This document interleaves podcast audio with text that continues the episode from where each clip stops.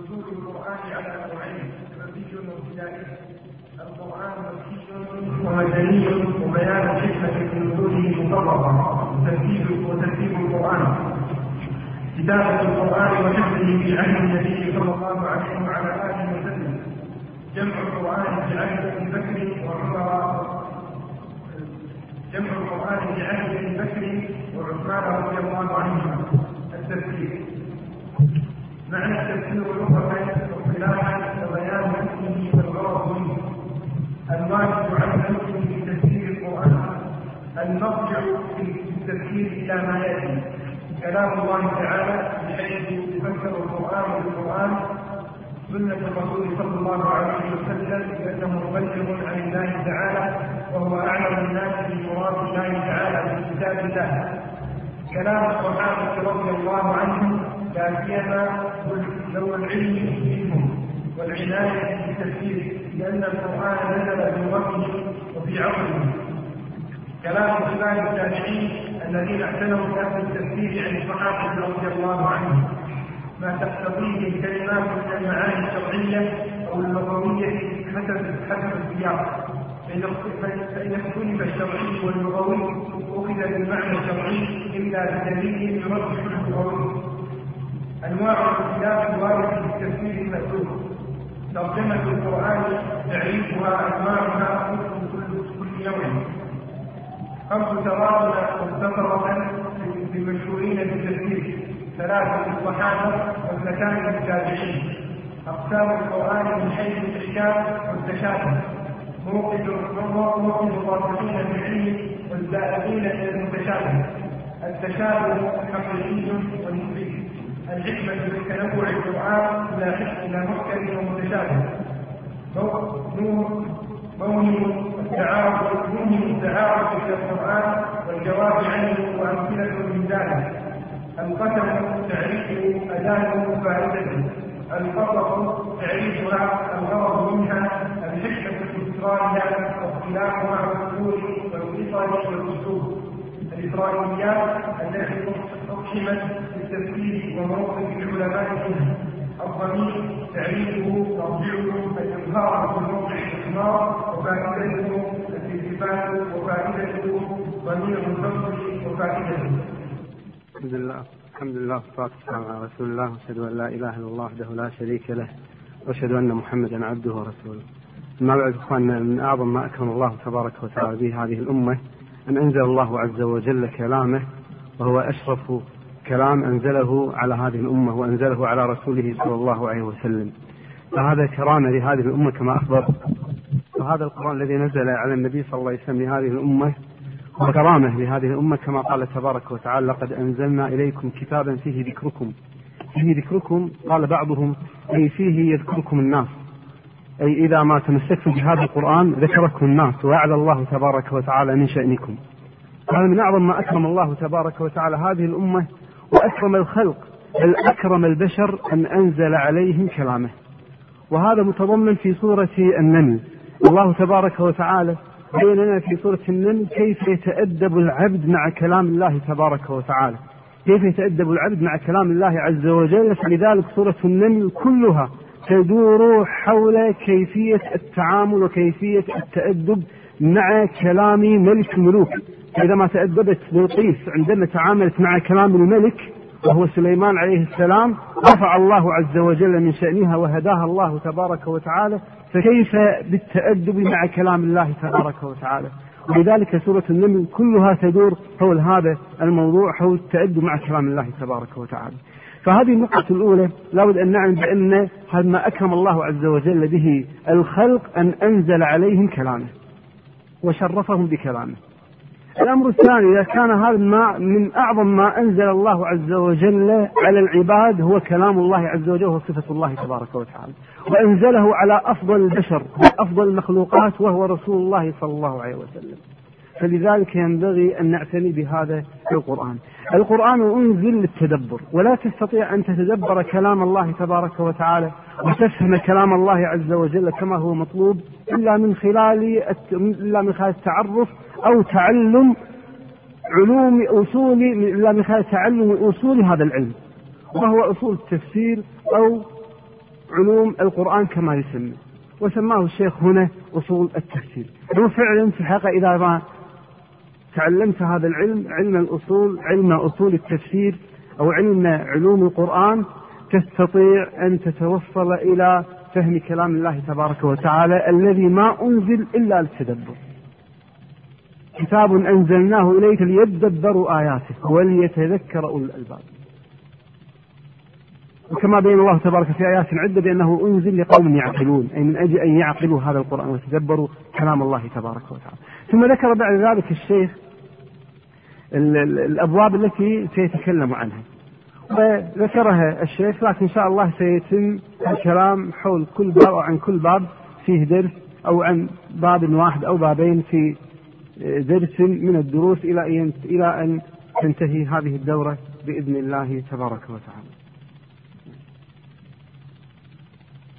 القرآن الكريم القرآن في اللغة مصدر قرأ بمعنى تلا بمعنى جمع نقول قرأ قرآنا قرأ قرآا وقرآنا كما تقول غفر غفرا وغفرانا فعلى المعنى الأول تلا تكون مصدرا بمعنى المفعول أي بمعنى المكتوب وعلى المعنى الثاني جمع يكون مصدرا بمعنى الفاعل أي بمعنى جامع جمع الأخبار جمع الأخبار والأحكام والقرآن بالشرع كلام الله تعالى المنزل على رسوله وخاتم أنبيائه محمد صلى الله عليه وعلى آله وسلم المنسوب بسورة الفاتحة المختوم المختوم بسورة الناس قال الله تعالى إنا نحن نزلنا عليك القرآن تنزيلا.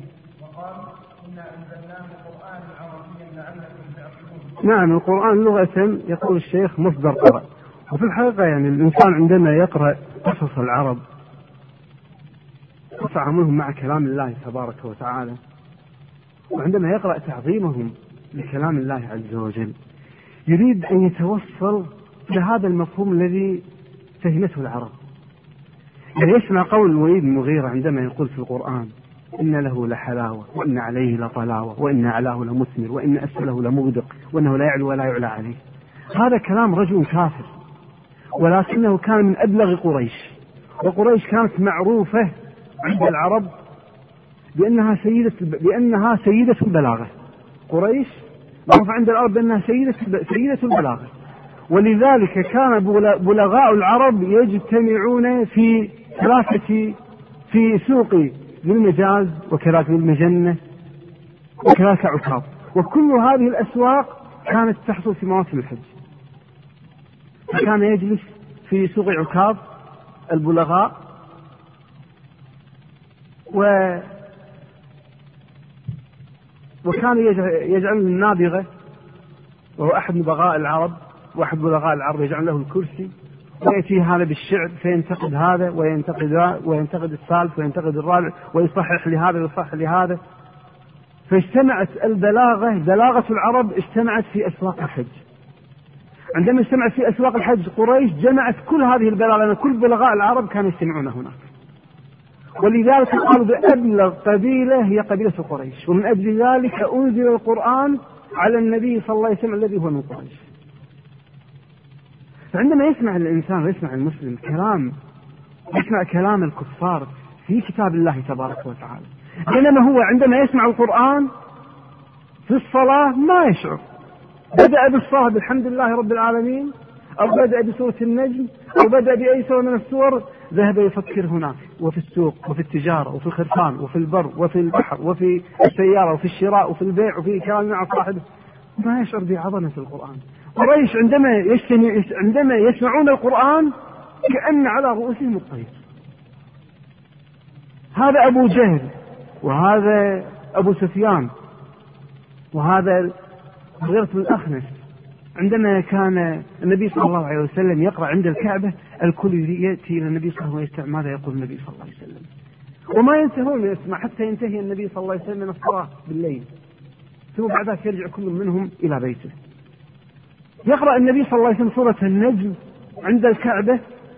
أسياد قريش كن يستمعون لكلام النبي صلى الله عليه وسلم كلام الله عز وجل بقراءة النبي صلى الله عليه وسلم. وتسبهم الآيات. أفرأيتم اللات والعزى ومناة الثالث وقريش في نواديهم وفي أسواقهم وفي مجالسهم. مجلس بني مخزوم ومجلس كذا ومجلس بني أمية ومجلس ويستمعون لكلام النبي صلى الله عليه وسلم ولا يتكلم أحد. فينتهي النبي صلى الله عليه وسلم بقول الله تبارك وتعالى أفمن هذا الحديث تعجبون وتضحكون ولا تبكون وأنتم سامدون فاسجدوا لله واعبدوا سجد النبي صلى الله عليه وسلم وخلفه الضعفاء من الصحابة سجدوا خلف النبي صلى الله عليه وسلم قام أسياد قريش قال والله ما ينبغي لمثل هذا لمثل هذا الكلام إلا وأن تخر له الجباه فسجدوا لله عز وجل قام كذلك ضعفاء قريش وعوام قريش سجدوا لله تبارك وتعالى لمثل هذا الكلام منكم فعلا يستشعر بهذه العظمة. كيف أشعر بهذه العظمة؟ الذي شعرت به قريش وشعر به الكفار ونحن مسلمون القليل منا يشعر بهذا ويتدبر هذا القرآن. ويتدبر هذه البلاغة الموجودة. يتدبر هذه البلاغة الموجودة. كيف يتدبر العبد ويتدبر المسلم هذه البلاغة؟ تأتي قريش وتجتمع لتتحدى القرآن ويجمعون بلغاءهم. قالوا في حجرة واحدة في غرفة واحدة. ويعطونهم كما الخمر أي الخمر المعتق مع لحم الضأن لتفوى الأذهان. فيقرأ فيجتمعون لتحدي هذا القرآن. فيمر قارئ, قارئ من الصحابة رضي الله تعالى عنهم يمر على بلغاء قريش وهم يجتمعون يقول زد هذا وانقص هذا وافعل كذا ليتحدى ليتحدوا ليتحدوا كلام الله تبارك وتعالى. إذا به يقرأ هذا الصحابي قيل يا أرض بلعي ماءك ويا سماء أقلعي وغيض الماء وقضي الأمر واستوت على الجودي وقيل بعدا للقوم الظالمين. قال افتحوا الأبواب. قالت قريش افتحوا الأبواب. ما في مجال أن نأتي بمثل هذه الآية. وتفرقت قريش. يأتي الأصمعي على جارية فيسمع منها كلاما وشعرا فيقول له قاتلك يقول لها قاتلك الله. ما هذه البلاغة؟ فقالت تقول هذا؟ تقول ما أبلغني؟ وقد سمعت قبلي قول الله تبارك وتعالى وأوحينا إلى أم موسى أن أرضعيه. فإذا خفت عليه فألقيه في اليم ولا تخافي ولا تحزني إنا رادوه إليك وجاعلوه من المرسلين. جمع أمرين ونهيين وبشارتين وخبرين في آية واحدة. أين هذه البلاغة العظيمة من هذا كان من هذا الشعر الذي ذكرته أنا؟ كيف تدبرت هذه الجارية هذه الآيات؟ نريد أن نتدبر كلام الله عز وجل كما تدبر أولئك. تدبر نريد أن نصل نصل هذه البلاغة وإلى هذا المفهوم. ما نستطيع أن نصل إلا إلى هذا المفهوم هذه البلاغة إلا إذا ما درسنا هذه الأصول التي ذكرها الشيخ أو ذكر بعضها. الشيخ رحمه الله تعالى. فلذلك بدأ بتعريف القرآن. لغة القرآن مصدر قرأ قالوا قرأ بمعنى تلا. قرأ بمعنى تلا أو بمعنى جمع قالوا قرأ قراءة قرآنا المصدر قراءة والمصدر كذلك مصدر آخر هو قرآن. وهو مرادف للقراءة القرآن هذا المصدر. قيل اسم مفعول أي المقروء المتلو. وكتاب الله تبارك وتعالى. قال الله تعالى إن علينا جمعه وقرآنه. إن علينا جمعه وقرآنه أي تلاوته. فإذا قرأناه إذا تلوناه تلاه جبريل عليك فاتبع قرآنه. ثم إن علينا بيانه. قال إذا قرأ بمعنى أو القرآن معنى القرآن مصدر قرأ بمعنى تلا فالقرآن اسم مفعول أي مثله هذا المعنى الأول. أما المعنى الثاني قالوا قرأ بمعنى جمع هناك تلا والمعنى الثاني جمع من قرء قرء قرآنا. قرقل هو الجمع. هو اسم مفعول. أي مجموع.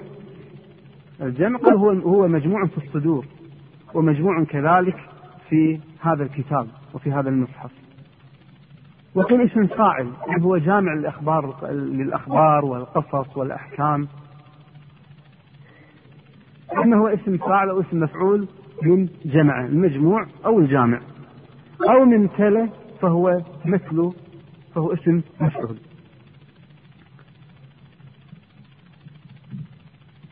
أن القرآن تعريفه شر في الشرع أو في الاصطلاح القرآن في الشرع يقول الشيخ هو كلام الله تعالى.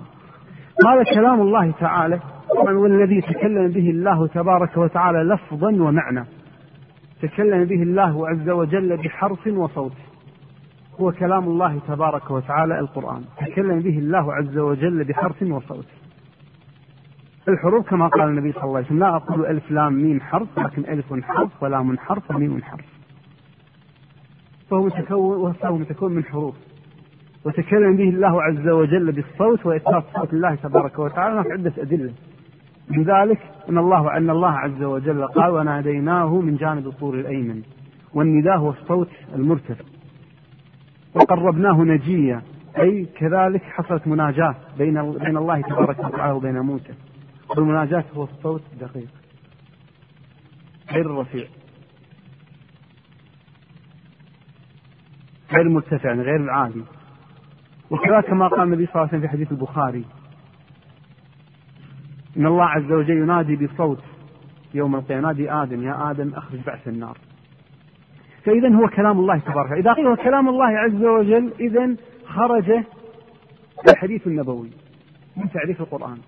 وخرج كلام البشر من تعريف القرآن وخرج كلام المخلوقات من تعريف سواء كلام الجن كلام الجن سواء كان كلام الجن أو كلام الملائكة كل هذا خرج من تعريف القرآن. القرآن هو كلام الله تبارك وتعالى فخرج كلام المخلوقات. المنزل على رسوله صلى الله عليه وسلم وخاتم أنبياء محمد صلى الله عليه وسلم فخرجت التوراة وخرج الإنجيل. الإنجيل أنزل على عيسى عليه السلام والتوراة أنزلت على موسى. إذا خرجت التوراة وخرج الإنجيل من تعريف القرآن.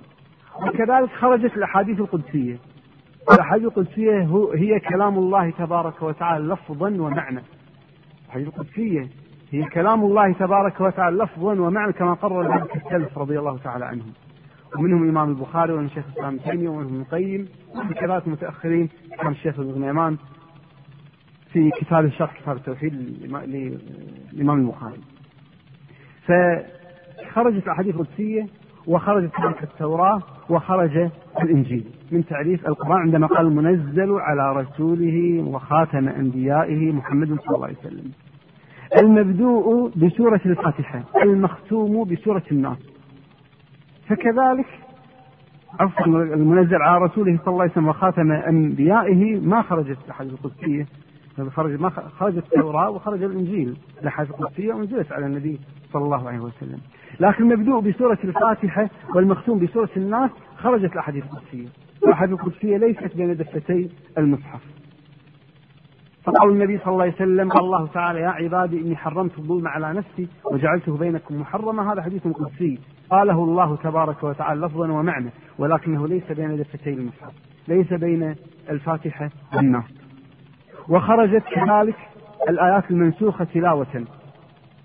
من القرآن خرجت الآيات المنسوخة فهي نزلت في الأصل من القرآن. كما يروى عن عمر الخطاب رضي الله تعالى عنه آية الرجم والشيخ والشيخ إذا زنيا فارجموهما البتة. وكما قالت عائشة رضي الله تعالى عنها كان فيما أنزل عشر آيات يحرم عشر رضعات يحرم. ثم بعد ذلك نسخنه بخمس رضعات ثم بعد ذلك نسخت هم خمس رضعات تلاوة. فكانت هاي موجودة من ضمن القرآن وكما قيل من سورة الأحزاب كانت كسورة البقرة في الطول. ثم بعد ذلك نسخت تلاوة. فبعد ما نسخت تلاوة لا تسمى من القرآن لأنها الآن ليست موجودة بين بين المصحف. ليست موجودة بين سورة الفاتحة وسورة الناس. فخرجت الآيات المنسوخة. ولكن المبدوء بسورة الفاتحة المختوم بسورة الناس. هذا هو القرآن فقط.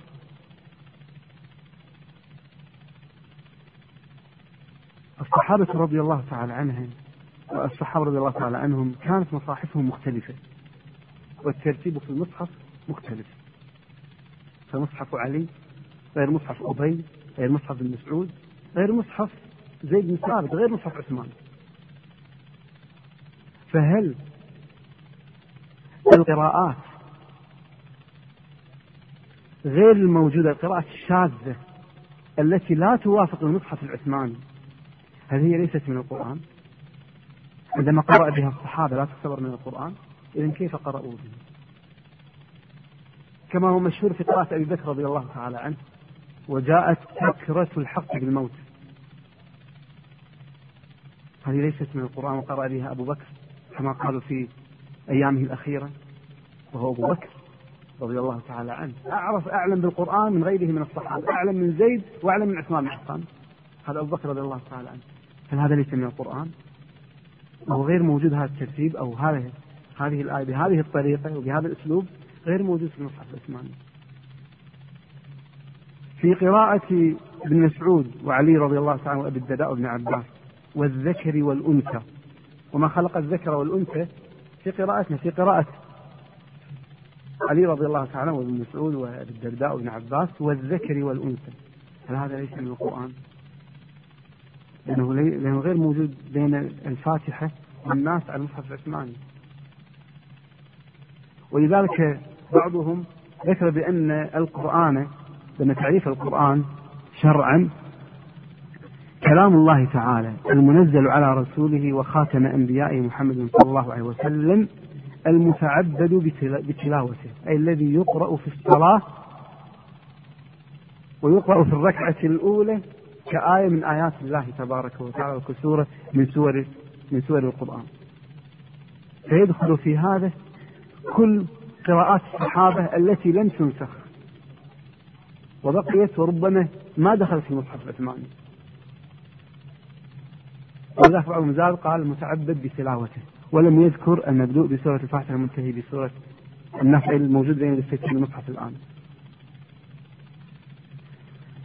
هذا هو تعريف كلام الله وهذا هو تعريف القرآن. طبعا إذا تبين لنا بأن كلام الله عز وجل أنواع متعددة منه التوراة ومنه الإنجيل ومن كذلك الزبور ومن كذلك سورة إبراهيم ومنه الأحاديث القدسية ومن كلام الله تبارك وتعالى كذلك القرآن هذا الموجود بين دفتي آه، المصحف.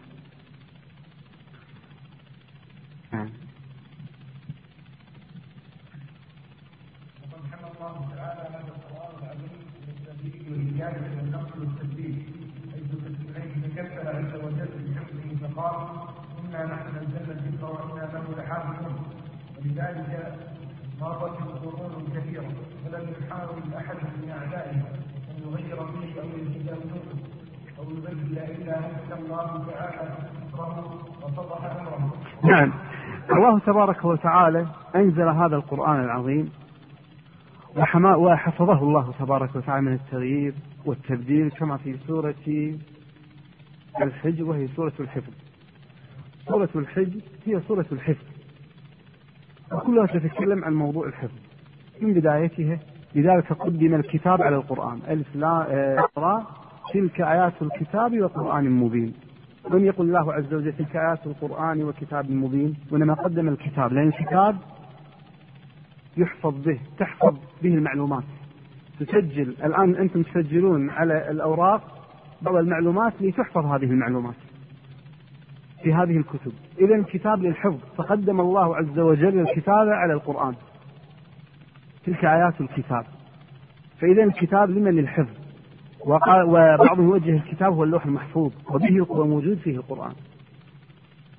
إنه لقرآن كريم في كتاب مكنون. لا يمسه إلا المطهرون. لا يمسه إلا المطهرون. إذا القرآن موجود في كتابه اللوح المحفوظ. سمي محفوظ.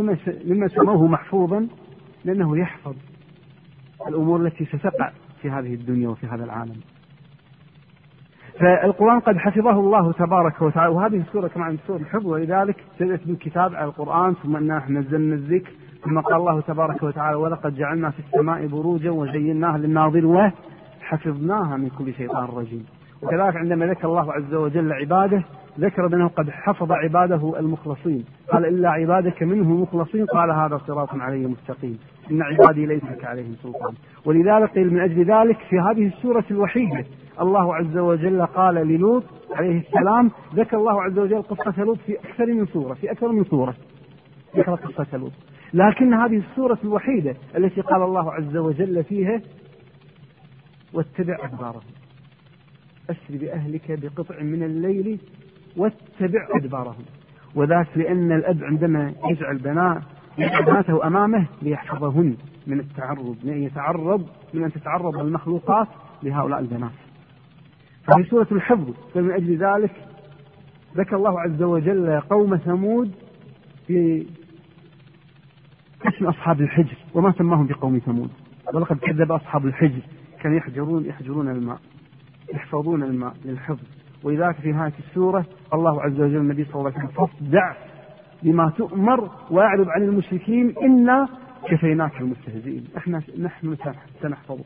فهذه السورة كلها تدور حول موضوع الحفظ. كل سورة تتكلم عن موضوع محدد وسورة الحج تتكلم عن موضوع الحفظ. فذكر الله عز وجل في ذات الأمر في ذات هذه السورة حفظ كتاب الله ذكر حفظ كتاب الله تبارك وتعالى. تلك آيات الكتاب القرآن المبين ثم قال الله تبارك وتعالى ذلك إنا نحن نزلنا الذكر وإنا له لحافظون. قيل بأن كان هناك يهودي كان يعرض عليه المأمون الإسلام فيأبى هذا اليهودي فكان دائما يعرض عليه الإسلام فيأبى هذا اليهودي.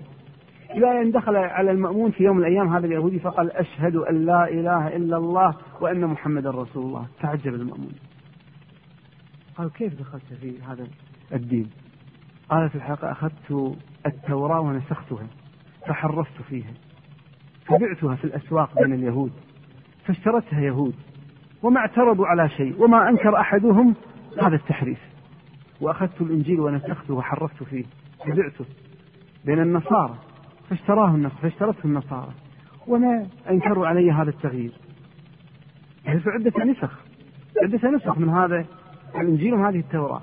وفي يوم أخذت القرآن فغيرت فيه شيئا دقيقا جدا. فإذا بالمسلمين يصيحون في الأسواق لأن هناك مصحف محرف. فعلمت بأن الذي يحفظه هو الله تبارك وتعالى. كما قال في القرآن قال إنا نحن نزلنا الذكر وإنا له لحافظون. نعم.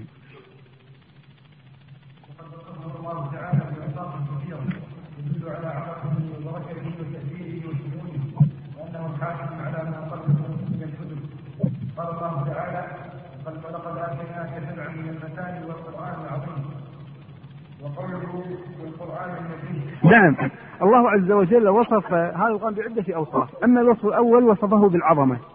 وذكر الشيخ هاتين الآيتين لتوضيح العظمة بأن الله عز وجل قد وصف القرآن بالعظمة. ولقد آتيناك سبعا من المثاني وفسر النبي صلى الله عليه وسلم السبع المثاني في سورة الفاتحة. والقرآن العظيم وصفه الله عز وجل بالعظمة. عظيم لأنه معجز ولأنه لا خلل فيه ولعظم لعظم هذه البلاغة التي ما استطاعت قريش أن تقف أمام ولا العرب ما استطاعت أن تقف أمام هذه البلاغة. ولعظم كذلك أحكامه لأن أحكامه عظيمة ولعظم قصصه يشتمل على القصص العظيم. أحسن أحسن القصص في كتاب الله تبارك وتعالى. نحن نقص عليك أحسن القصص. ومن تدبره ويستطيع أن يتدبره عوام الناس وعلماؤهم وهذه عظمة. إخواني هذه عظمة في كتاب إذا ما ألفت كتابا فالعالم ينتفع منه والعامي والجاهل ينتفع منه وكلهم يفهم هذا الكلام. هذا هذا هو الكلام العظيم. هذا كلام عظيم كلام الله عز وجل ينتفع به العالم وينتفع كذلك به الجاهل وعوام الناس. وكذلك لأنه يحدث هيبة في القلب ووجلا في القلب هذا القرآن. فهو عظيم يحدث في قلبك عظمة لله تبارك وتعظيما لله عز وجل وهيبة لهذا الكلام. ولذلك حتى قريش خرت ساجدة لله تبارك وتعالى لعظم هذا الكلام ولأنه نزل بعظمة. لأنه نزل بعظمة كما سيأتي بإذن الله تعالى. كيف نزل القرآن؟ نزل إذا ما علم أو إذا ما قرأ الآيات وجمع الآيات في كيفية نزول القرآن يشعر بعظمة كلام الله تبارك وتعالى. فهو قرآن عظيم كما قال الله عز وجل وهو قرآن مجيد مجيد. والمجد هو كمال الأوصاف. المجد هو كمال الأوصاف. لذلك العبد إذا ما قال الحمد لله رب العالمين قال الله عز وجل حمدني عبدي. الرحمن الرحيم أثنى علي عبدي. مالك مالك يوم الدين؟ قال الثناء زادها حتى بلغ المجد. قال مجدني عبدي. مجدني عبدي. أي ثناء على ثناء على ثناء حتى كانت هذه الأوصاف فالقرآن كامل الأوصاف ومن قرأه حصل له المجد. ومن قرأه كملت صفاته. من قرأ هذا الكلام كملت صفاته ومن قرأه كمن عمل به كذلك عظم عند الله تبارك وتعالى وأصبح له مجد عند الناس. لقد أنزلنا إليكم كتابا فيه ذكركم أفلا تعقلون يذكركم الناس ويمجدكم الناس إذا ما عملتم بهذا القرآن. نعم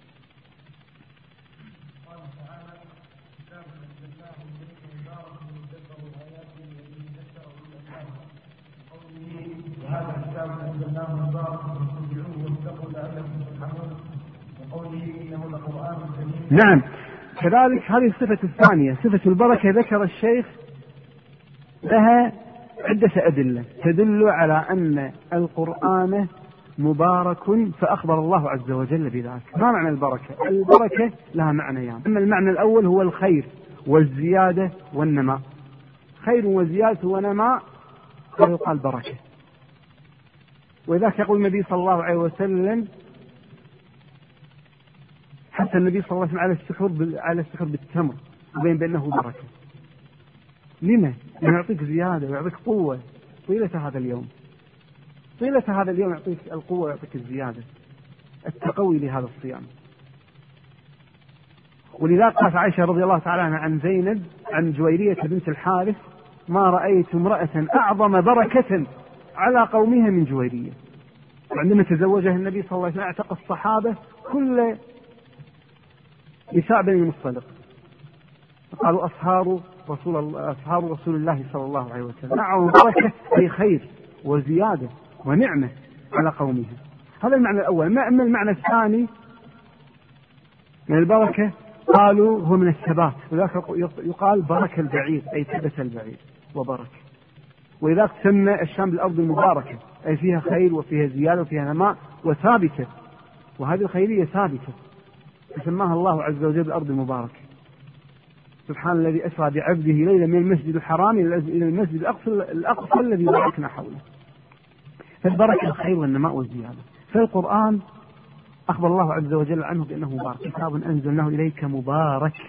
لكله خير وزيادة ونماء وكذلك ثابت. كيف؟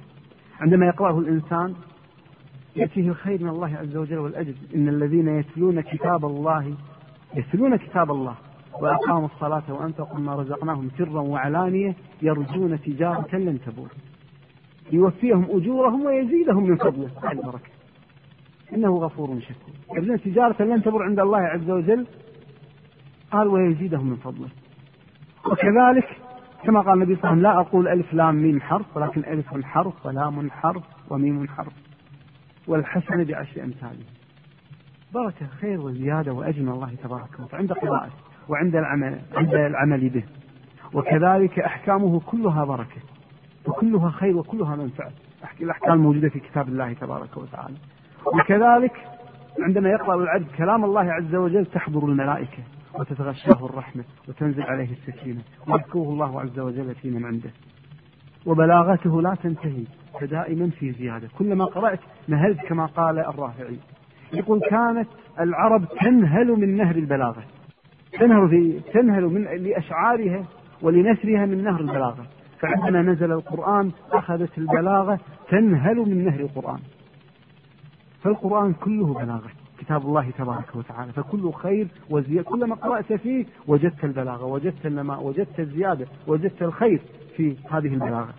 هذا من ناحية الخير والزيادة والنماء أما الثبات فيحفظ العبد القرآن محفوظ أولا هو ثابت محفوظ. وإذا ما حفظته حفظك الله تبارك وتعالى. احفظ الله يحفظ احفظ الله احفظ الله تجده تجاهك.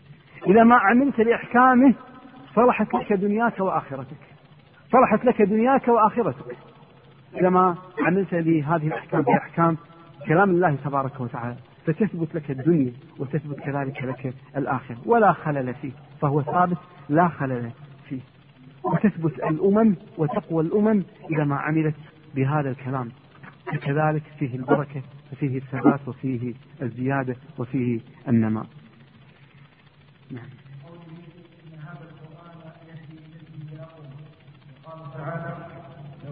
هذا القرآن على جبل لرايته خاشعا متصدعا من خشيه الله.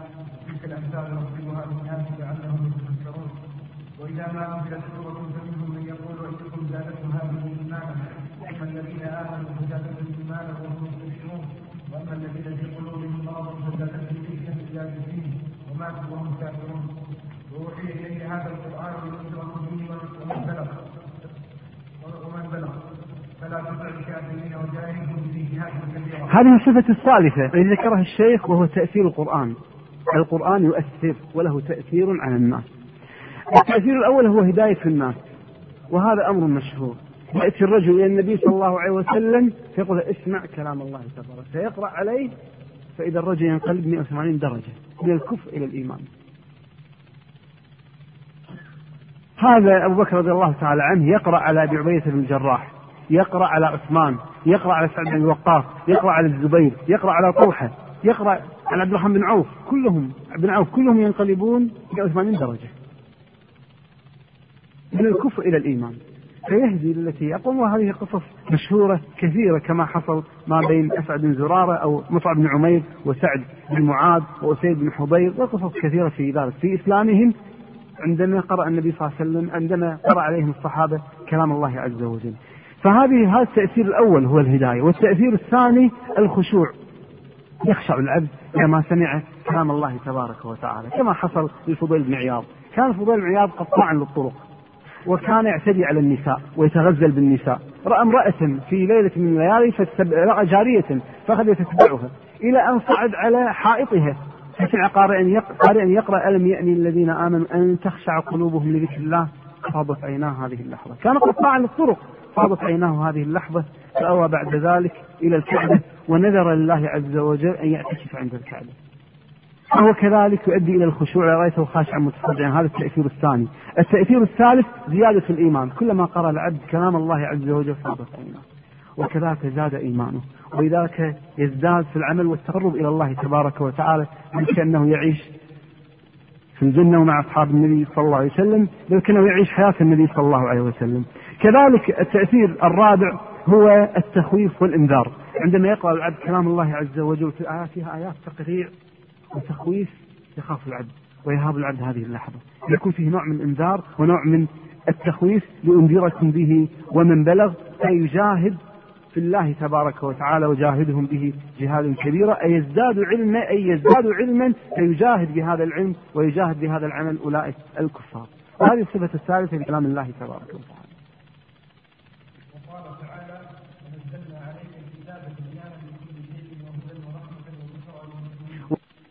هذه الصفة الرابعة لكلام الله تبارك وتعالى الشمول. يشمل القرآن كل القواعد لكل المعاملات والعبادات التي تصلح العبد في الدنيا والآخرة. كل المعاملات وكل العبادات التي تؤدي إلى صلاح الدنيا والآخرة موجودة في كلام الله عز وجل. مو المقصود تبيان لكل شيء موجودة في الطيارة والسيارة والبينسو والتنك وشراب. مو هذا المغ... ليس هذا المقصود في في كلام الله عز وجل تبيان لكل شيء، لما تبيان لكل شيء كل القواعد التي تصلحه في الدنيا والآخرة سواء في المعاملات أو في العبادات موجودة في كلام الله تبارك وتعالى وموجودة في هذا الدين وفي هذا القرآن. نزلنا عليك الكتاب تبيانا لكل شيء لكل لكل هذه القواعد قالوا هناك قواعد فقهية قواعد أصولية يصير من خلالها العبد يفهم كلام الله تبارك وتعالى فتصلح دنياه وآخرته. وهدى ورحمة وبشرى للمسلمين. نعم.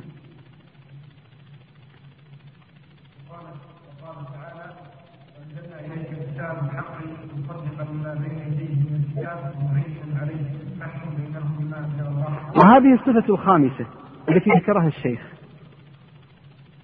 وهو أن كلام الله تبارك وتعالى حاكم على كل الكلام الذي سبقه. وأنزلنا إليك الكتاب بالحق مصدقا لما بين يديه من الكتاب ومهيمن. يؤكد الكلام السابق يؤكد كلام موسى. يؤكد يؤكد ما في كتاب موسى وهو وهو التوراة الذي نزل على موسى كلام الله عز وجل وكذلك يؤكد ما في الإنجيل الذي نزل على عيسى من توحيد الله تبارك وتعالى. وكذلك يؤكد بعض الأحكام وينسخ الأحكام الأخرى الموجودة في هذه الكتب السابقة مهيمنا عليه أي حاكما عليه. ينسخ بعض الأحكام ويثبت أحكاما أخرى. قال ومهيمنا عليه فاحكم بينهم بما أنزل الله. فهو ينسخ ويثبت وكذلك وكذلك يصحح الكتب المحرفة السابقة يصححها كذلك هذا القرآن من القصص التي تنسب القصة التي تنسب إلى الأنبياء زورا وبهتان يأتي القرآن فيصحح المفاهيم الخاطئة يصححها هذا القرآن. نعم.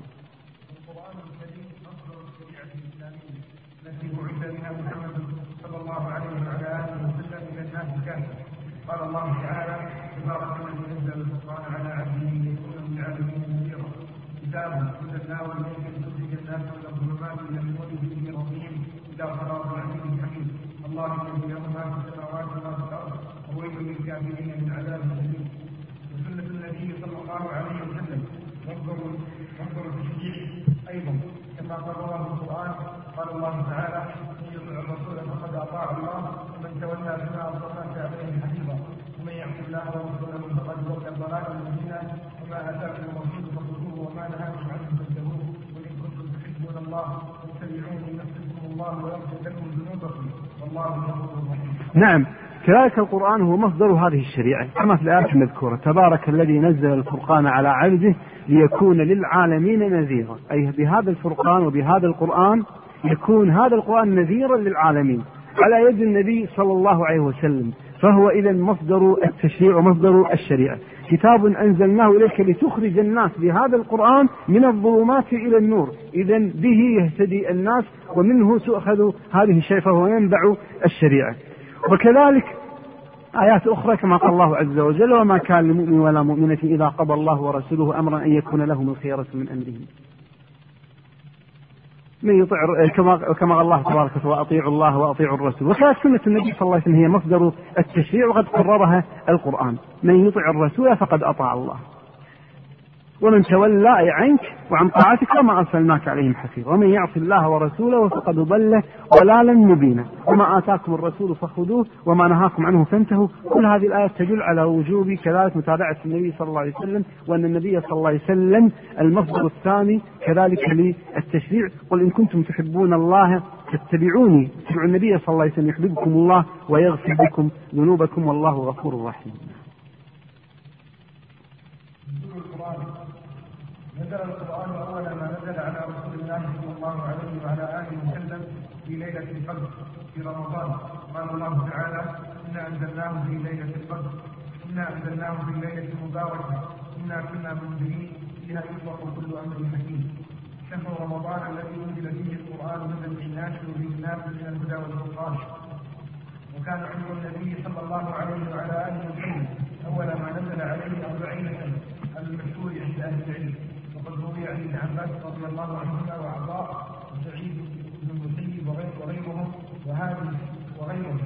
وهذه السنة هي التي يكون بها بلوغ الرشد وكمال العقل وتمام الإدراك والذي نزل بالقرآن من الله تعالى إلى النبي صلى الله عليه وعلى آله وسلم جبريل أحد الملائكة الكرام قال الله تعالى عن القرآن وإنه لتنزيل رب العالمين نزل به الروح الأمين على قلبك لتكون من المنذرين بلسان عربي مبين وقد كان لجبريل لجبريل عليه السلام من الصفات الحميدة العظيمة من الكرم والقوة والقرب من الله تعالى المكانة والاحترام بين الملائكة والأمانة والحسن والطهارة ما جعله أهلا لأن يكون رسول الله تعالى بوحيه إلى رسله قال الله تعالى إنه لقول رسول كريم بقوة عند ذي العرش المكين مطاع ثم أمين.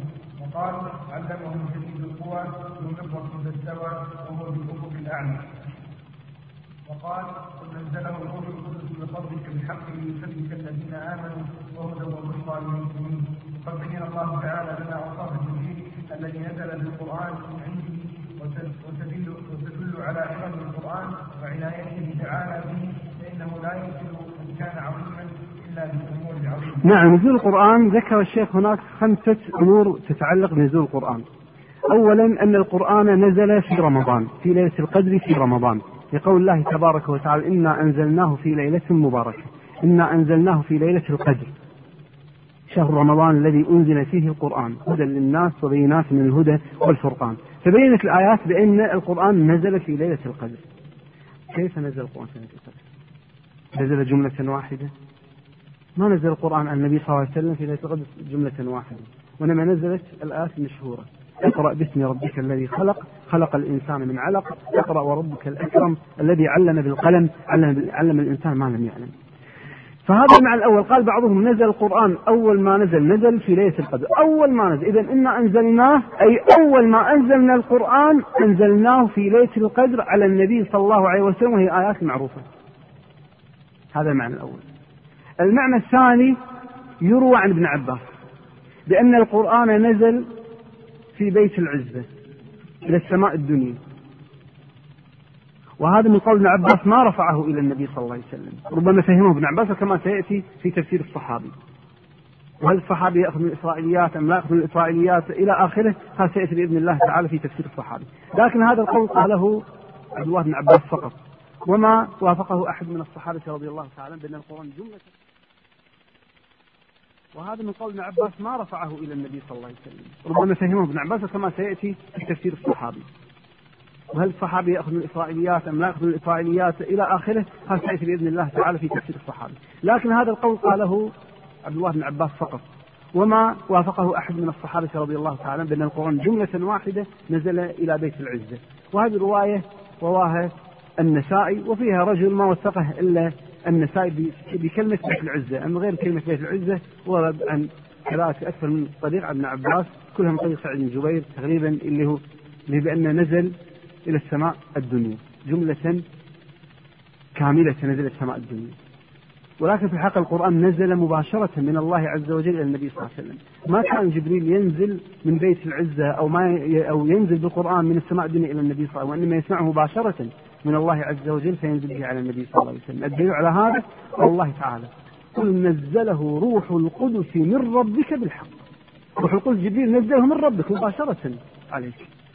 فنزل حديثا من الله تبارك وتعالى. ما يأتيهم من ذكر ربهم محدث أي حديث جديد. الآن تكلم الله عز وجل به. فنزل به على النبي صلى الله عليه وسلم. وهذا هو الأصح في هذا. وإن كان نزل مجموعة في بيت العزة كما يقول شيخ ما ما يدل بأن القرآن نزل من بيت العزة إلى النبي صلى الله عليه وسلم وإنما نزل جملة واحدة كما هو مكتوب في اللوح المحفوظ. مجموع في اللوح المحفوظ. كذلك مجموع موجود في السماء الدنيا. لكن عندما ينزل على النبي صلى الله عليه وسلم ينزل مباشرة من الله عز وجل بداية الآية. قل نزله من رب قل نزله روح القدس من ربك بالحق. فلا بد أن تبين هذه النقطة. وإن كان إن صحت عن ابن عباس وإن كان قول ابن عباس صحيحا فما يعني هذا أن جبريل ينزل به من من بيت من السماء إلى النبي صلى الله عليه وسلم. إنما القرآن بين بأن جبريل ينزل به مباشرة من الله. في ثلاثة آيات. أما الآية الأولى قل نزله روح القدس من ربك بالحق. من الله عز وجل ينزل جبريل مباشرة بهذا القرآن. ما يأتيه من ذكر من ربهم محدث حديث الآن الله عز وجل تكلم به. ما يأتيهم من ذكر من الرحمن محدث من الله عز وجل حديث الآن تكلم به. إذا هاي الآية الثلاث تقول بأن الله عز وجل الآن تكلم به فنزل به جبريل على النبي صلى الله عليه وسلم. وإن كان موجود في بيت العزة أو موجود في السماء الدنيا أو موجود في اللوح المحفوظ هذا ما يتعارض مع نزول جبريل بالقرآن مباشرة من الله تبارك وتعالى. آخر موضوع نزول القرآن إن شاء الله الدرس القادم الحمد لله رب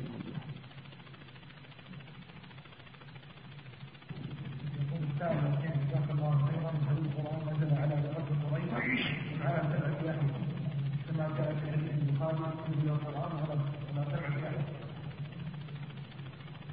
والله هو اللي أجاب على السؤال.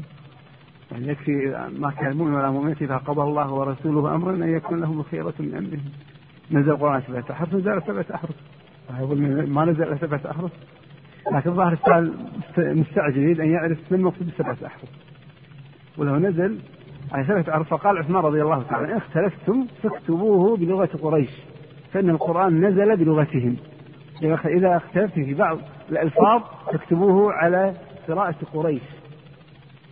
ولك توسيع من الله عز وجل انزل القرآن ثلاثة أحرف. أي أحرفه سبع جهات. فالسائل هل يريد الإجابة عن معنى سبعة أحرف؟ الدرس الأول إجابة عن سبعة أحرف هذه تأجيل يعني لكن على كل لما السؤال طرح إجابة سريعة. المقصود بالسبعة أحرف. المقصود بالسبعة أحرف غير القراءة القراءة السبع أو القراءة العشر أو القراءة العشرين أو القراءة المئة أو القراءة العشرون أو القراءة المئة أو القراءة 120 أو أكثر من ذلك. سبعة أحرف غير. الأحرف الحرف هو الجهة. والناس يعبد الله على حرف على جهة. أنت ذهبت إلى مكة على أي حرف؟ قال على حرف ويصيب. وقال الآخر على حرف الثاني. قال الآخر على حرف المطار على طريق المطار وجهة المطار. فالحرف هو الجهة. فالقرآن جاء سبع جهات. ما هي الجهات السبع؟ حكم معي. سبعة جهات. الجهة الأولى هو الاختلاف في اللفظ مع الاختلاف بالمعنى. اللفظ مختلف والمعنى مختلف. مثلا في قول الله تبارك وتعالى وقال الذي نجا منهما وادكر بعد أمة أمة مجموعة. مجموعة من الزمن مجموعة من الناس بعد أمة بعد مجموعة من الزمن أي بعد فترة طويلة بعد أمة. مجموعة من الزمن. في قراءة ثانية أخرى وقال الذي نجا منهما وادكر بعد أنه اختلاف في اللفظ. وأنه معناته نسيان يختلف المعنى النسيان يختلف عن فترة طويلة. قد يكون ترك فترة طويلة متعمدا. بعد أنه بعد نسيان. أمة فترة. فترة طويلة. إذا اختلاف باللفظ مع اختلاف مع هذا هذه الجهة الأولى. فهناك في القرآن تختلف ألفاظها. نفس الآية تقرأ بقراءتين. نفس الكلمة تقرأ بقراءتين. بألفاظ مختلفة ومعاني مختلفة. لكن لابد أن يثبت بسند صحيح موافق المصحف عثمان كما سيأتي بإذن الله. هذا الحرف الأول الجهة الأولى. الجهة الثانية. الاختلاف في اللفظ مع التقارب في المعنى. معنى متقارب. إن جاءكم إن جاءكم فاسق بنبأ فتبينوا. في قراءة فتثبتوا. اللفظ مختلف تبين غير تثبت. اختلفت الألفاظ. لكن معاني متقاربة. تثبت تبين معاني متقاربة هذا الجهة هذه الجهة الثانية الحرف الثاني. الجهة الثالثة. التقديم والتأخير. وجاءت سكرة الموت بالحق. في قراءة أبي بكر وجاءت سكرة الحق بالموت. هذه الجهة الثالثة الجهة الرابعة. الزيادة والنقصان. الآية الوحيدة في القرآن التي فيها تجري تحتها الأنهار في سورة التوبة. في حق كبار المهاجرين والأنصار أعظم الناس بعد الأنبياء والرسل. الله عز وجل في حق تجري تحته الأنهار. والسابقون الأولون من المهاجرين والأنصار والذين اتبعوهم بإحسان رضي الله عنهم ورضوا عنه وأعد لهم جنات تجري تحتها الأنهار. في قراءة أخرى تجري من تحتها الأنهار. على في المصحف المكي العثماني. فإذا هذه الآن أي أي جهة الآن؟ الرابعة تقديم وتأخير. الثالثة الرابعة الزيادة والنقصان. الخامسة. الاختلاف في الإعراب إلا أن تكون تجارة عن تراض منكم. في قراءة إلا أن تكون تجارة عن عن تراض منكم. اختلاف في الإعراب. في الإعراب. الحرف السادس. معي يا جماعة؟ الحرف السادس. قال اختلاف في الاختلاف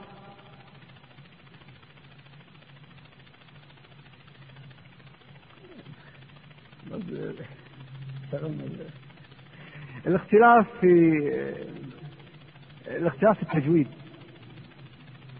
مثل والضحى والليل إذا سجى في قراءة والضحى والليل إذا سجى في قراءة وفي قول الله تبارك وقيل من راق؟ في قراءة وقيل من راق؟ الضلال في في قراءة حفص ضلال في قراءة ورش ضلال بتفخيم اللام وفي قراءة حفص بترقيق اللام. هذه الجهة الآن السادسة الجهة السابعة الأخيرة. هذا السابعة اختلاف في اللفظ مع اختلاف بالمعنى اختلاف باللفظ مع مع التوافق في المعنى الزيادة والنقصان تقديم وتأخير في الإعراب في التجويد اختلاف في الوقت تقف غير وقفات مختلفة. فإنك لأنت يوسف قال أنا يوسف وهذا أخي قد من الله علينا أنه من يتقي ويصبر, من يتقي ويصبر فإن الله لا يضيع أجر المحسنين. قالوا تالله لقد آثرك الله علينا وإن كنا لخاطئين. قال لا تثريب عليكم اليوم. في قراءة يغفر الله لكم. اليوم ما عليكم تثريب. يغفر الله لكم. أسأل الله يغفر لكم. في قراءة قالون قال لا تثريب عليكم. اليوم يغفر الله لكم. اليوم ما تغرب الشمس حتى يغفر الله عز وجل. استمر في الاستغفار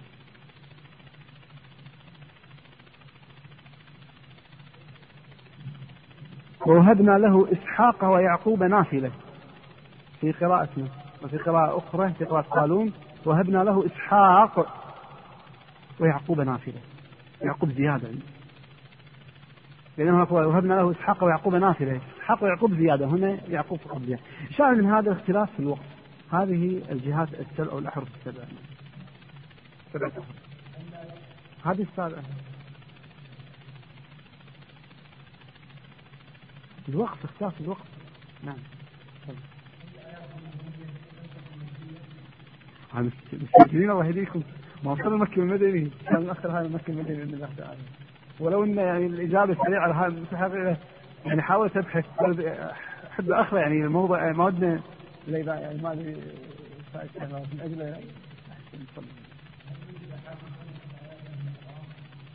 النفس النفس هل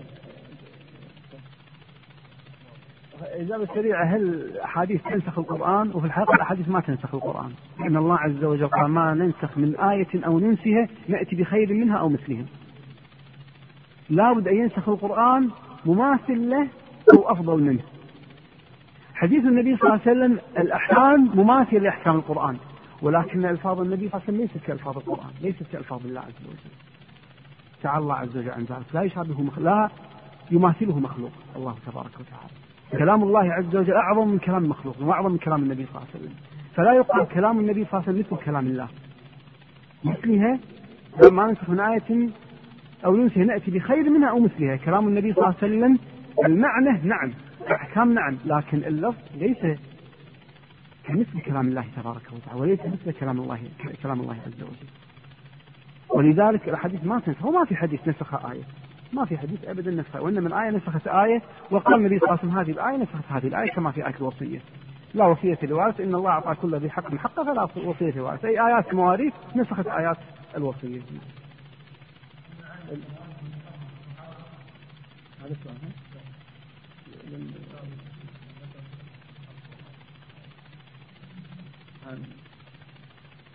متى نسخت؟ نسخة قبل وفاة النبي صلى الله عليه وسلم لكن بالذات تحديد التاريخ ما في تحديد التاريخ وإنما نسخت خمس طبعات يحرم قبل وفاة النبي صلى الله عليه وسلم. وبعض الصحابة ما كان يظن بأنها نسخت ما علم بنفسه. ولذلك قرأوها بعد وفاة النبي صلى الله عليه وسلم. كما قالت عائشة رضي الله عنها توفي رسول الله صلى الله عليه وسلم كانت مما يقرأ من القرآن. خمس طبعات يحرم. وبعض الصحابة ما علموا بنفسه. ثم بعد ذلك عندما جمع المصحف جمع عثمان المصحف وكذا بعد ذلك علم الصحابة رضي الله تعالى عنهم بنفس طريقة القراءه. نعم.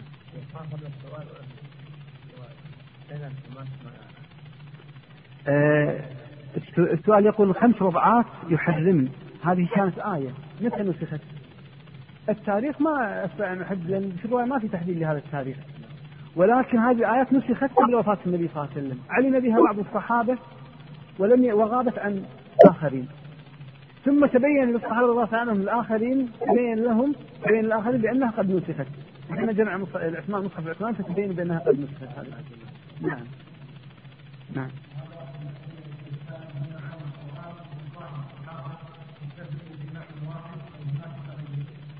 هذا في الحقيقة بحث فوائد القراءات. ما ما يقال معنى واحد. معنى متضاد المعنى متوافق. القراءات عند الصحابة في الصحف المختلفة ما في معنى متضاد. مختلف نعم. معاني مختلفة نعم. كما علمتم أمة وأمة.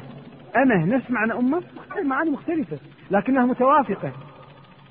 لكنها غير متعارضة. معنى يزيد على معنى ويعطيك معنى زائد ومفهوم جديد وهذا شيء طيب. ما في تعارض ولا فيه نقص. هذا جمال وعظمة. معنى زائد على المعنى. تقرأ أمه تعطيك معنى وأمة معنى والمعاني متوافقة غير متضادة. لكن قراءات الصحابة ما فيها معاني متضادة. معاني متضادة ما فيها معاني متضادة. رضي الله تعالى عنه. إلا الآية المنسوخة قد نسخت هذه. نعم.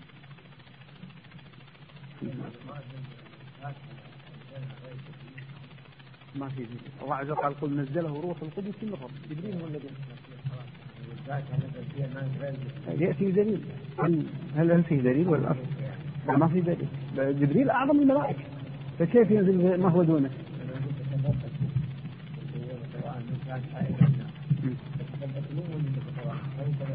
لا موجودة. تتبين. اي اي موجودة. هي المصحف العثماني ما كان يكتب يكتب بالنقط بدون نقط. اكتب تبين وتثبت بدون نقط. نفس الكتابة. ووردت بسند صحيح سنتين عن النبي صلى الله عليه وسلم.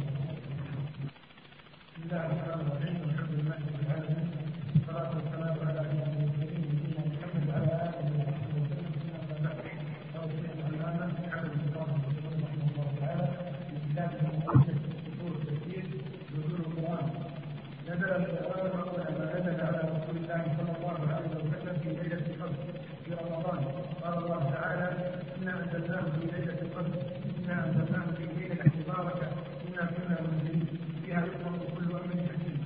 تبوى مقالة التي أنزلت به القرآن ومن الناس ومن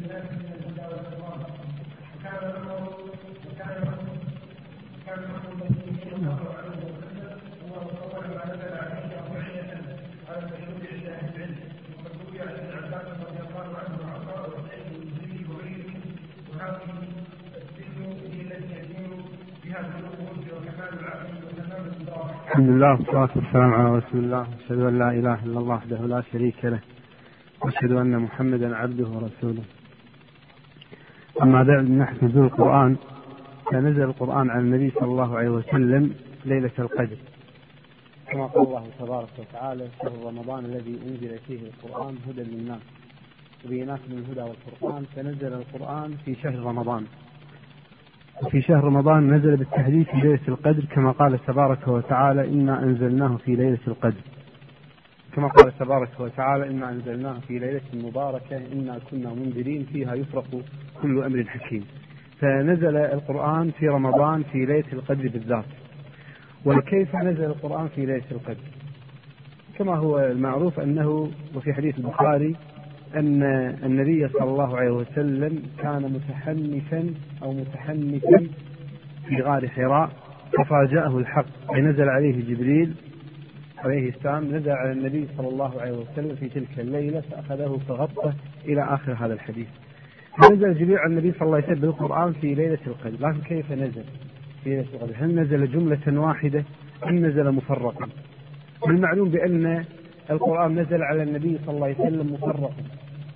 ونزل في رمضان وفي غير رمضان. ونزل في شوال ونزل في ذي القعدة ونزل في ذي الحجة ونزل في محرم ونزل في صفر. ولكن أول ما نزل لكنه أول ما نزل نزل في رمضان. ونزل في ليلة القدر كان هذا أول نزوله. أول ما نزل القرآن نزل في ليلة القدر. ولكنه تتابع بعد ذلك ونزل في غير ليلة القدر. ولكن أول ما نزل في ليلة القدر. وفي رواية عن ابن عباس فلها أكثر من طريق. عن ابن عباس وبالذات من طريق سعيد بن جبير. أن ابن عباس رضي الله تعالى عنه يقول نزل القرآن جملة واحدة إلى السماء الدنيا. وفي رواية النسائي يقول في بيت العزة. ثم أخذ ثم نزل مفرقا بعد ذلك على النبي صلى الله عليه وسلم. في بعض الروايات عن ابن عباس يقول كان جبريل ينزل به من السماء الدنيا على النبي صلى الله عليه وسلم. ولكن الصحيح ما في كتاب الله تبارك وتعالى.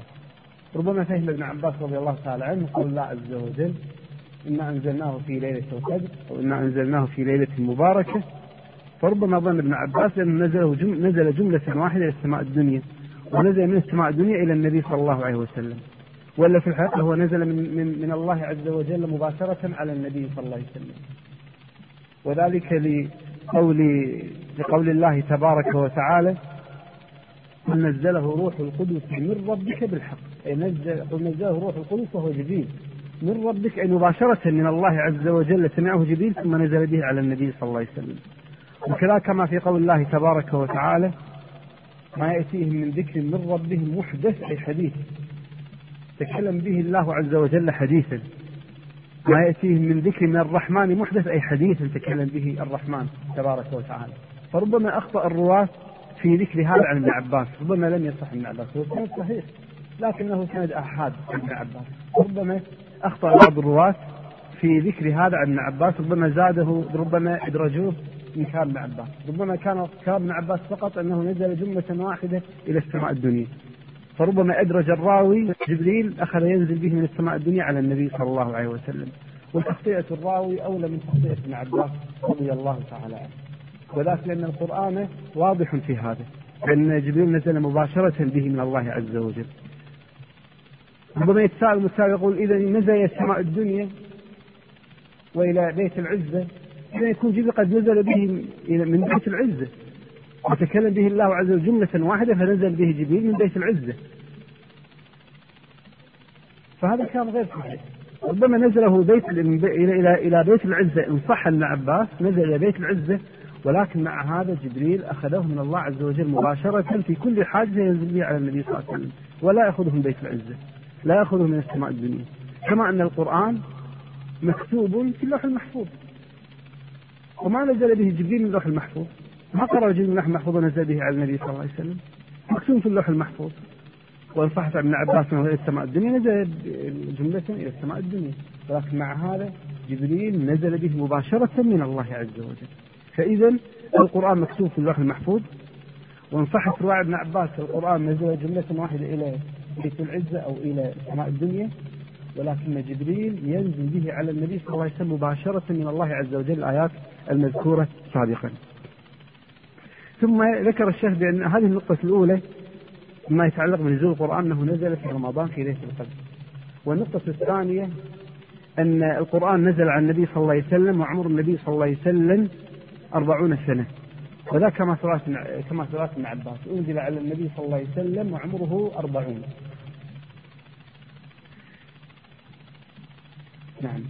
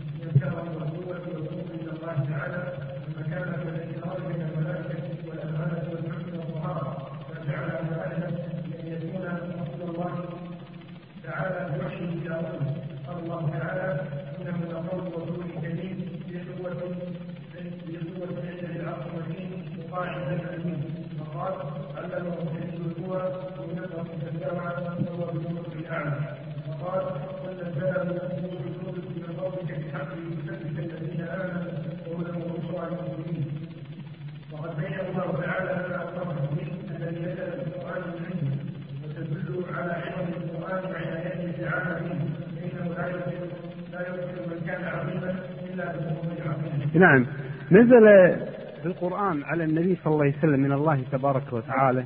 نزل بالقرآن من الله تبارك وتعالى على النبي صلى الله عليه وسلم هو جبريل. وهو جبريل وكما يقال أن جبريل هو قائد الملائكة وهو رئيس الملائكة. وجبريل من اسمه جبر إيل. وإيل أو إل في اللغة هو الله. كما قال أبو بكر رضي الله تعالى عنه عن قول مسيلمة والله ما خرج هذا من إل ما خرج هذا من إله. فإل أي الله أو الإله. والجبر قال لها ثلاث معاني. وبينها الله عز وجل. أما الجبر المعنى الأول هو يجبره يقهره. فالجبر قال من القوة ومن القهر. الجبر من القوة والقهر.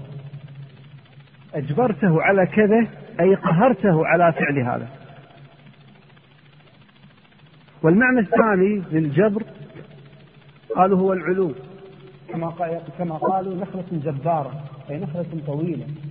وكما قال فيها قوما جبارين أي قو أي أقواما طوال وعمالقة. وكما قيل أن كان فيهم العمالقة. وصفتهم الطول.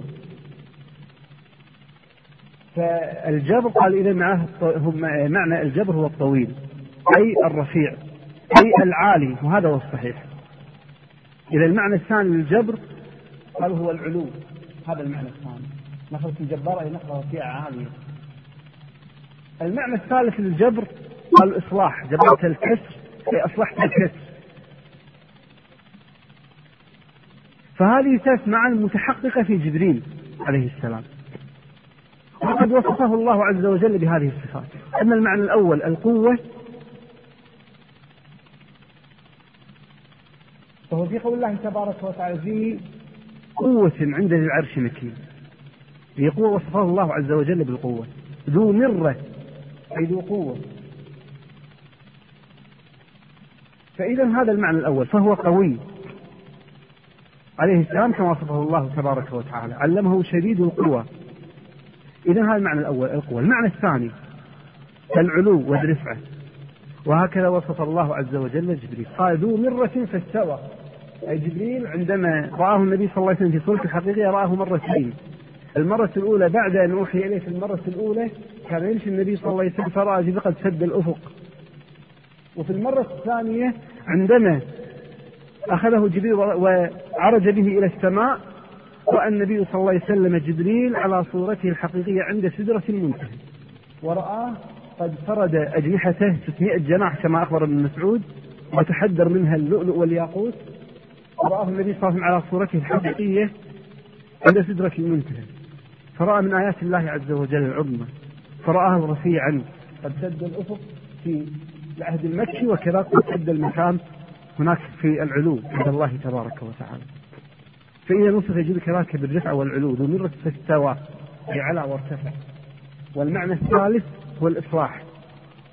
هو وصف بالقوة والعلو وهو رسول الإصلاح. جبريل عليه السلام. فهو الذي فهو رسول الله. بين بين الله تبارك وتعالى وبين الأنبياء والرسل. لإصلاح العباد وإصلاح الخلق وإصلاح دنياهم وأخراهم.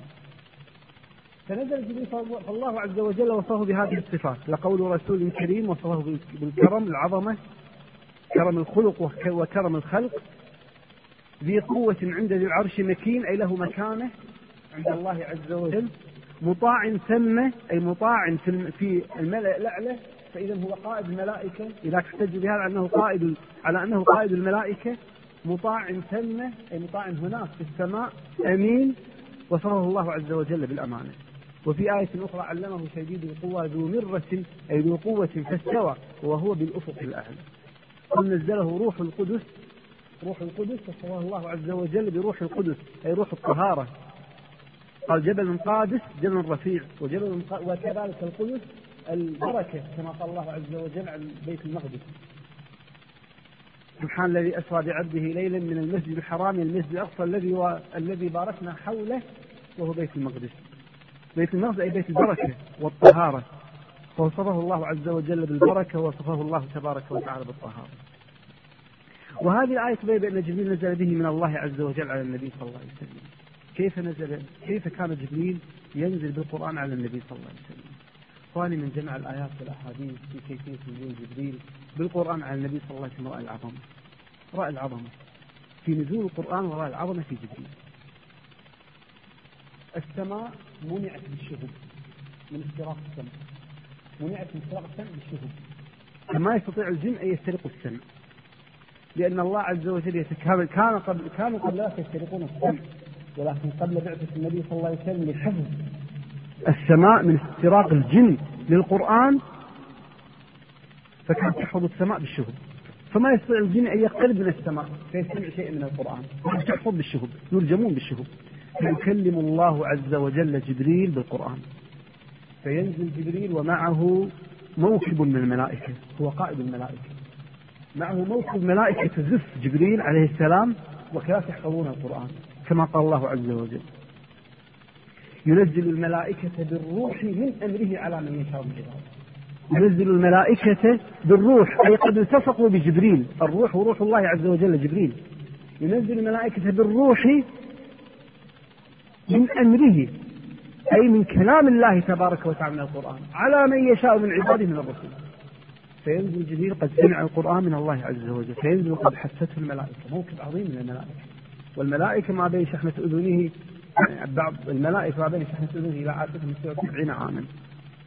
فيحفون جبريل ويأتي جبريل موكل عظيم إلى النبي صلى الله عليه وسلم. تعظيما للقرآن وتعظيما للنبي صلى الله عليه وسلم. فعندما ينزلون إلى إلى النبي صلى الله عليه وسلم يحفون النبي صلى الله عليه وسلم جميع النواحي. فيتقدم جبريل إلى النبي صلى الله عليه وسلم. كل ذلك حفظا للقرآن. كما قال تبارك وتعالى نزل به الروح الأمين. أي نزل القرآن ملتصقا به الروح الأمين وهو جبريل. على قلبك لتكون من المنذرين. ماذا يحصل؟ ينزل جبريل بالقرآن وقد حسته الملائكة. وعندما عندما يقتربون من النبي صلى الله عليه وسلم يتقدم جبريل. يتقدم جبريل إلى النبي صلى الله عليه وسلم. فيأخذ النبي صلى الله عليه وسلم ويضم النبي صلى الله عليه وسلم.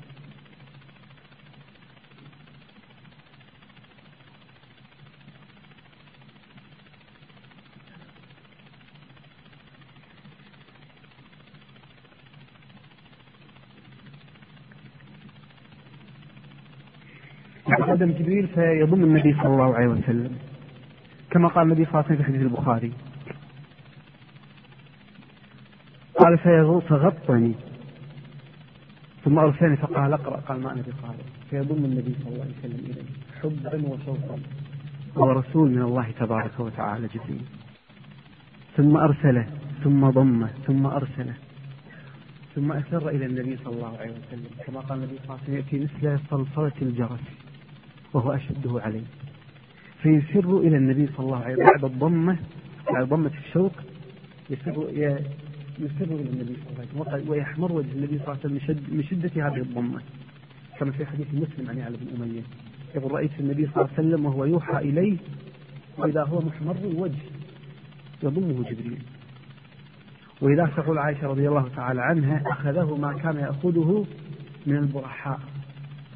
أي من شدة كما كالحمى يأخذ النبي صلى الله عليه وسلم من شدة هذا الضم. ثم يضرب النبي صلى الله عليه وسلم عينيه. من شدة هذا الضم. والحب من قبل جبريل كما في حديث مسلم. عبادة بن الصامت يقول كان إذا نزل جبريل على النبي صلى الله عليه وسلم كان إذا نزل عليه الوحي أغمض عينيه. كان الإنسان إذا ضمت ضمة شيء تغمض عينيه وخاصة من الحديث. بل من شدة شوق النبي صلى الله عليه وسلم إلى جبريل كان يخرج منه صوت صوت كما يقال صوت شوق وصوت حب. كما في رواية مسلم عن ابن أمية قال يغط كما يغط البكر. وهو ابن الناقة كما يغط البكر. له صوت. حنين. من شدة هذه الضمة وهي وضمة الشوق ومن شدة الشوق شعور بالمودة. بل يعرق النبي صلى الله عليه وسلم؟ وعرقه كالجمان كاللؤلؤ. كما قالت عائشة في البخاري. رأيته ينزل عليه الوحي في اليوم الشديد البرد. فيفصم عنه وإن جبينه يتصصب عرقا في رواية عائشة رضي الله تعالى عند البخاري يتحدر منه مثل الجمان أي مثل اللؤلؤ من العرق. بل يثقل وزن النبي صلى الله عليه وسلم؟ شد هذه الضمة. كان لو جمعت اثنين على شيء واحد يزداد الثقل يزداد الوزن. فيزداد ثقل النبي صلى الله عليه وسلم من ضمة جبريل مع النبي صلى الله عليه وسلم. كما قال زيد بن ثابت في حديث البخاري ومسلم. لما نزلت غير أولي الضرر من غير أولي غير أولي الضرر كانت فخذ النبي صلى الله عليه وسلم على فخذي وأنا أكتب. فلما نزل الوحي كادت فخذه ترد فخذي من شدة الثقل. ما نزل عليه جبريل. ثم يسر إلى النبي صلى الله عليه وسلم. يسر النبي صلى الله عليه وسلم ما أنزله الله عز وجل عليه. يسر إليه كما يسر الحبيب إلى حبيبه. من كلام الله تبارك وتعالى. أو يرسل رسولا فيوحي بإذنه ما يشاء وهذا الصوت شديد في الأذن كما قال النبي صلى الله عليه وسلم مثل صلصلة الجرس. يأتينا أحيانا مثل صلصلة الجرس وهو أشده عليه. فيفصل عني وقد وعيت ما قال. فيخاطب النبي صلى الله عليه وسلم ويخاطب قلب النبي صلى الله عليه وسلم جبريل بهذا النزول. كما قال عز وجل نزل به الروح الأمين على قلبك يخاطب قلب النبي صلى الله عليه وسلم. وكما قال تبارك وتعالى مثبت به فؤادك. لذا كان النبي صلى الله عليه وسلم يشعر بالاشتياق إلى جبريل والملائكة تحب جبريل حتى ما يقترب شيطان يسترق السمع من النبي صلى الله عليه وسلم من جبريل عندما يخاطب النبي صلى الله عليه وسلم فيتكلم به الشيطان قال لا يتكلم به القرآن شيطان. تحفه الملائكة من جميع النواحي. جبريل هو الذي يتقدم فقط ومحفوف النبي صلى الله عليه وسلم بالملائكة وجبريل محفوف بالملائكة. ولذلك إذا فصل عنه جبريل وذهب كان النبي صلى الله عليه وسلم يشعر بالشوق والاشتياق إلى جبريل. فيقال له وما نتنزل إلا بأمر ربك. له ما بين أيدينا وما خلفنا وما بين ذلك. وما كان ربك نسيا. لا ينساك الله تبارك وتعالى. فإذا هكذا جميل ينزل به على النبي صلى الله عليه وسلم بسرية تامة وأمانة تامة. ينزل القرآن على النبي صلى الله عليه وسلم. نعم.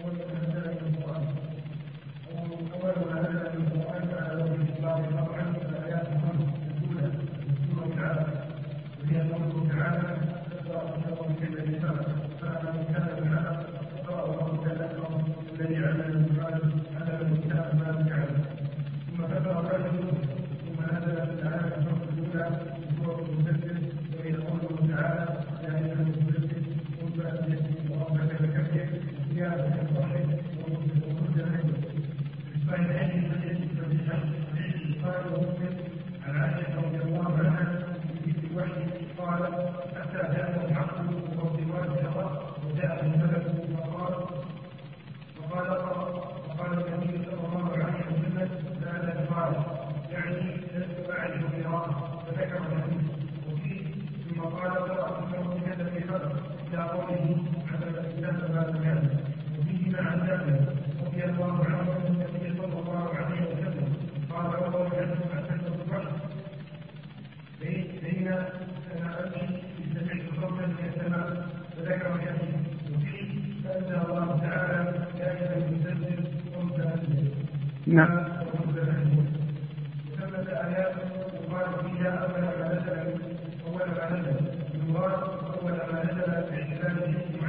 نعم وهو في الحقيقة أول ما نزل من القرآن هو قول الله تبارك وتعالى اقرأ باسم ربك الذي خلق كما في حديث البخاري ومسلم. عائشة رضي الله تعالى عنها حديث المذكور عندما نزل جبريل على النبي صلى الله عليه وسلم قال اقرأ في غار حراء قال ما أنا بقارئ أي لست أعرف القراءة. اقرأ ما أنا بقارئ غطه ثم أرسله ثم غطه ثم أرسله ثم غطه وأرسله ويقول له اقرأ يقول ما أنا بقارئ. فقال له اقرأ باسم ربك باسم ربك الذي خلق خلق الإنسان من علق اقرأ وربك الأكرم الذي علم بالقلم علم الإنسان ما لم يعلم. هذا أول ما نزل من القرآن. ثم فتر الوحي فترة ثم بعد ذلك نزل في المرة الثانية بقول الله تبارك وتعالى يا أيها المدثر قم فأنذر وربك فكبر. حمد الله الآية الأولى نزلت للنبوة. النبي صلى الله عليه وسلم هو النبي. وفي الآية الثانية للرسالة أو لإبلاغ الناس. مأمور النبي صلى الله عليه وسلم يبلغ الناس. ويدعوهم إلى الله تبارك وتعالى. قم فأنذر وربك فكبر واللي يدل على هذا ما رواه البخاري ومسلم عن جابر بن عبد الله عن أبي سلمة بن عبد الرحمن أبي سلمة بن عبد الرحمن أنه سأل جابر بن عبد الله. اي القرآن أنزل أول؟ قال جابر يا أيها المدثر قال أبو سلمة أنبئت أنه اقرأ باسم ربك الذي خلق. فقال جابر ألا أخبرك بما قال رسول الله صلى الله عليه وسلم؟ جاورت حراء فلما قضيت جواري هبطت فاستبطنت الوادي. فبين أنا أمشي إذ سمعت صوتا من السماء فرفعت بصري قبل السماء فإذا الملك فإذا الملك الذي جاءني بحراء قاعد على كرسي بين السماء والأرض. إذا أتاه الملك في المرة الأولى بشيء. ثم رآه مرة ثانية النبي صلى الله عليه وسلم رآه في السماء. إذا عندما رآه في السماء هذه في المرة الثانية. لذلك يقول النبي صلى الله عليه وسلم فرفعت بصري قبل السماء فإذا الملك الذي جاءني بحراء قاعد على كرسي بين السماء والأرض. إذا هذه المرة الثانية. قال فجسست. فجسست. أي نزلت على ركبتي حتى هويت إلى الأرض. فجئت أهلي فقلت زملوني زملوني. فأنزل الله يا أيها المدثر قم فأنزل. إذا يا أيها المدثر قم فأنزل بعد أن أتاه الملك بحراء. فإذا يا أيها المدثر ثاني ما نزل. أما أول ما نزل اقرأ باسم ربك الذي خلق. نعم.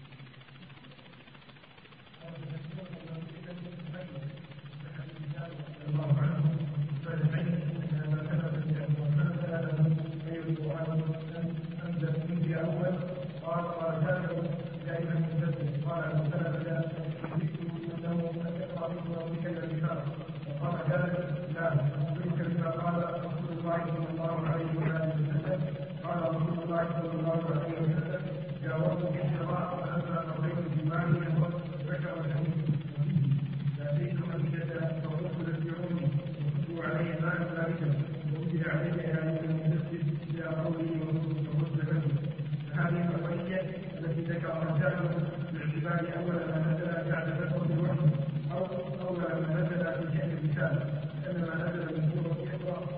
ثبتت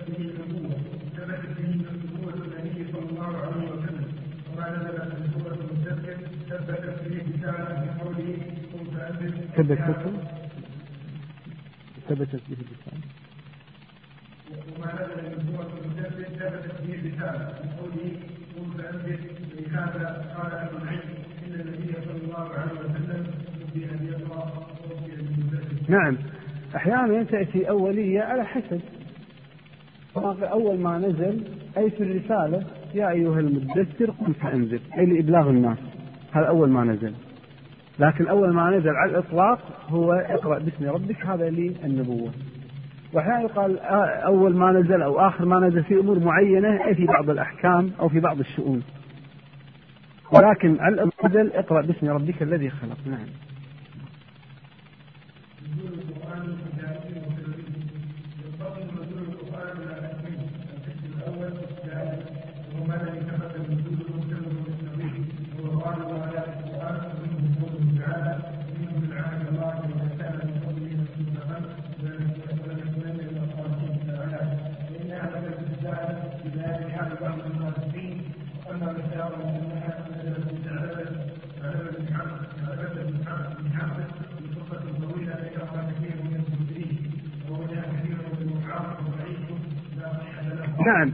ذكر الشيخ من ناحية نزول القرآن ابتدائي وسببي يقول ينقسم القرآن أو ينقسم نزول القرآن إلى قسمين ابتدائي وسببي أما القسم الأول هو وهو القسم الابتدائي النزول الابتدائي. يقول وهو ما لم يتقدم نزوله ما لم يتقدم نزوله سبب يقتضيه. وغالب آيات القرآن. ما المقصود؟ ما لم يتقدم نزوله سبب. هل فعلا تنزل آيات بلا سبب؟ من ذلك قول الله تبارك وتعالى احتج الشيخ بقول الله عز وجل ومنهم من عاهد الله لئن آتانا من فضله لنصدقن وليكونن من الصالحين. وفهم نزلت ابتداء في بيان بعض حال المنافقين، هل فعل بلا سبب؟ نزلت بسبب. أفعال الله عز وجل لا يفعل الله عز وجل شيء إلا لحكمة وإلا لغاية. وهذه الحكمة هي أراد الله عز وجل بحكمة ما أن ينزل هذه الآية في أو ينزل هذه الآية الآن. أو بعد قل أو بعد سنة أو بعد شهر. لحكمة يراه وهذا سبب. لكن الشيخ ربما يقصد هنا وغالب علماء القرآن أو علماء علوم القرآن يعنون بلا سبب أو ابتدائي بلا سبب ابتدائي. أي ما في سبب ظاهر أو حدثت حادثة ولا سؤال واضح. وحدثت حادثة اقتضت نزول حدثت حادثة ظاهرة اقتضت نزول مثل هذه الآية. ولكن لحكمة. الله عز وجل لا شيء الا لحكمة فهو حكيم سبحانه. فإذا المقصود بلا سبب أي لم يثبت سند بسند صحيح عن حادثه معينة حصلت فنزلت هذه الآية. ولا ولا فرضا سأل سائل فنزلت هذه الايات.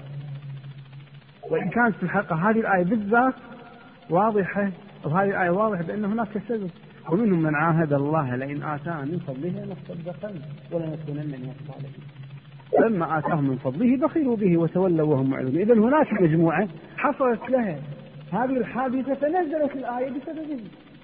فإذا الحقيقة هذه الآية تدخل من ضمن المسببة أو من ضمن القسم الثاني السببي لكن ربما يقال بعض الآيات مثل قول الله تبارك وتعالى قل يا أيها الكافرون لا أعبد ما تعبدون. رواتها ضعيفة. أو الآيات الأخرى أي آية من كتاب الله تبارك وتعالى. في قول الله عز وجل إن الله يدخل الذين آمنوا وعملوا الصالحات جنات تجري من تحتها الأنهار خالدين فيها. ربما ما وضح السبب لنا لا بسبب صحيح ولا ضعيف ولا الآية بينت. ما سبب النزول. لكنها ما نزلت إلا لحكمة لكن ما ورد لا بسند صحيح ولا الآية بينت بأن كان هناك سبب للنزول فربما هذا مثال للابتدائي وإلا في الحقيقة الله عز وجل لا يفعل شيء إلا لحكمة وإلا لحكمة هو يراه فهو أحكم الحاكمين سبحانه. إذا المقصود الله عن بلا سبب ابتدائي أو ابتدائي بلا سبب ما يتقدم نزوله سبب. المقصود بذلك أي ما ورد لا بسند صحيح ولا بسند ضعيف ولا الآية بينت بأن هناك سبب لنزول هذه الآية وإن كان لها سبب عند الله عز وجل. لكننا نحن لا نعلمه نعم.